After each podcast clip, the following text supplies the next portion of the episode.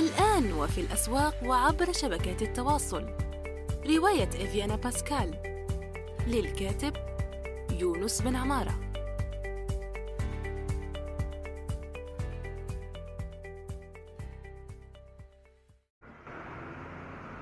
السلام عليكم ورحمة الله وبركاته. نعود مرة أخرى في آه، آه، يونس توك.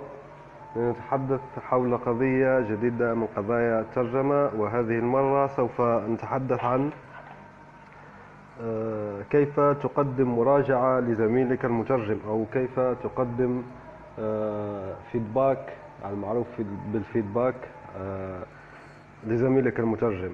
لاحظ هنا أننا لا نتحدث عن مديرك في العمل أو أحد عملائك ولكن نتحدث عن زميل في الحالة المخصصة زميل فقط. وكالعادة وضعتها في شكل نقاط هي أربع نقاط. النقطة الأولى طلب السياق عندما يطلب منك زميلك مراجعة فقرة معينة. نحن هنا نتحدث عن فقرة وليس أعمال مراجعة كاملة معناها ليس كتاب أو عدة صفحات أو موضوع كبير. بل نحكي عن جملة كلمة مصطلح تعبيري شيء من هذا القبيل. إذا تطلب السياق.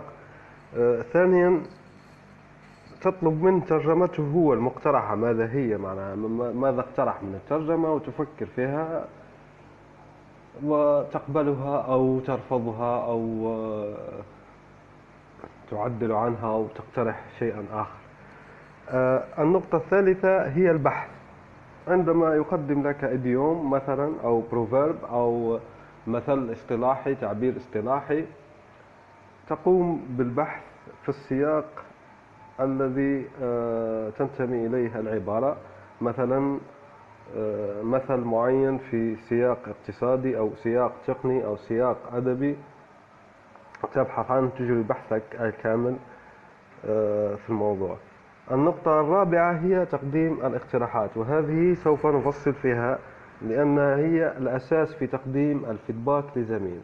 هي تقديم الاقتراحات. قبل أن تقدم الاقتراحات يجب أن تلاحظ أنه يجب أن ينبغي أن آه، تتجنب عبارات مثل ترجمتك رديئة ترجمتك سيئة أو آه، أي من العبارات التالية. لا تقل معناها ترجمتك سيئة الموضوع ليس في الترجمة سيئة أو حسنة بل الموضوع يكمن في تقديم المساعد. إذا الاقتراحات أنت تقدمها كاقتراح فقط وليس كفرض أو وجهة نظرك لأن كل مترجم له بصمة معروفة في آه، ميدان الترجمة. إذا سوف نتحدث عن آه، قضية آه، تقديم الاقتراحات وكيف تكون. يجب أن نأخذ بعين الاعتبار هذه العوامل وهي مستويات العلاقة الذي طلب منك رأيك أو فيدباك في الترجمة من هو؟ هل هو صديق قديم؟ هل هو رسالة إلكترونية عبر الإيميل لشخص لا تعرفه؟ هل هو آه، زميل قديم في المهنة أو صديق تعرفه مدة كبيرة أو شيء من هذا القبيل لا يجب أن تعطي الفيدباك حسب مستوى العلاقة بينك وبينه.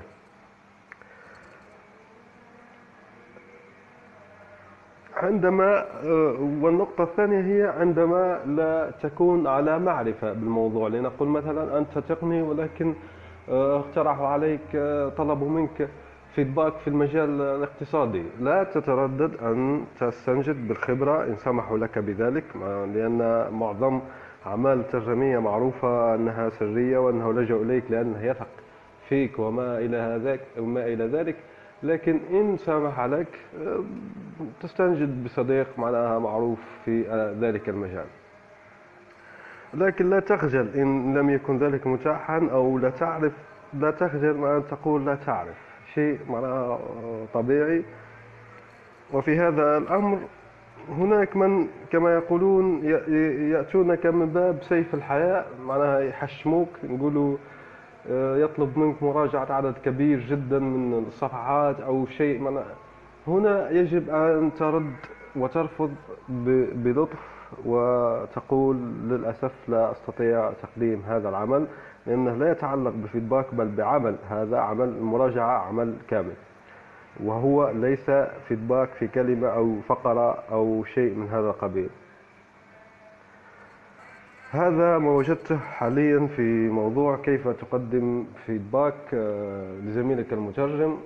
وأعود وأجدد آه، عدم استخدام ألفاظ الجارحة أو خروج عن الموضوع. واللطف والكياسة المؤمن كيس فطن الكياسة في تقديم آه، الفيدباك والرأي. لكي تحافظ على صداقاتك.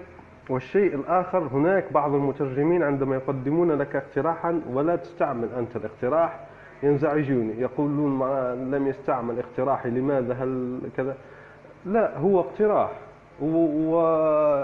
والذي قدمت له آه، الفيدباك مترجم له بصمته وهو يختار. معناها فلا تنزعج إن لم لم يقبل الاقتراح الخاص بك. المهم أنك كما يقولون قمت بواجبك. هذا ما لدينا لهذه الحلقة حلقة العيد. وجدت بعض الوقت فقلت أسجلها. شكرا لكم وأتمنى أن تتابعوا القا- الماضية والقادمة. عيدكم مبارك وكل عام وأنتم بخير. سلام. الآن وفي الأسواق وعبر شبكات التواصل. رواية إفيانا باسكال. للكاتب يونس بن عمارة.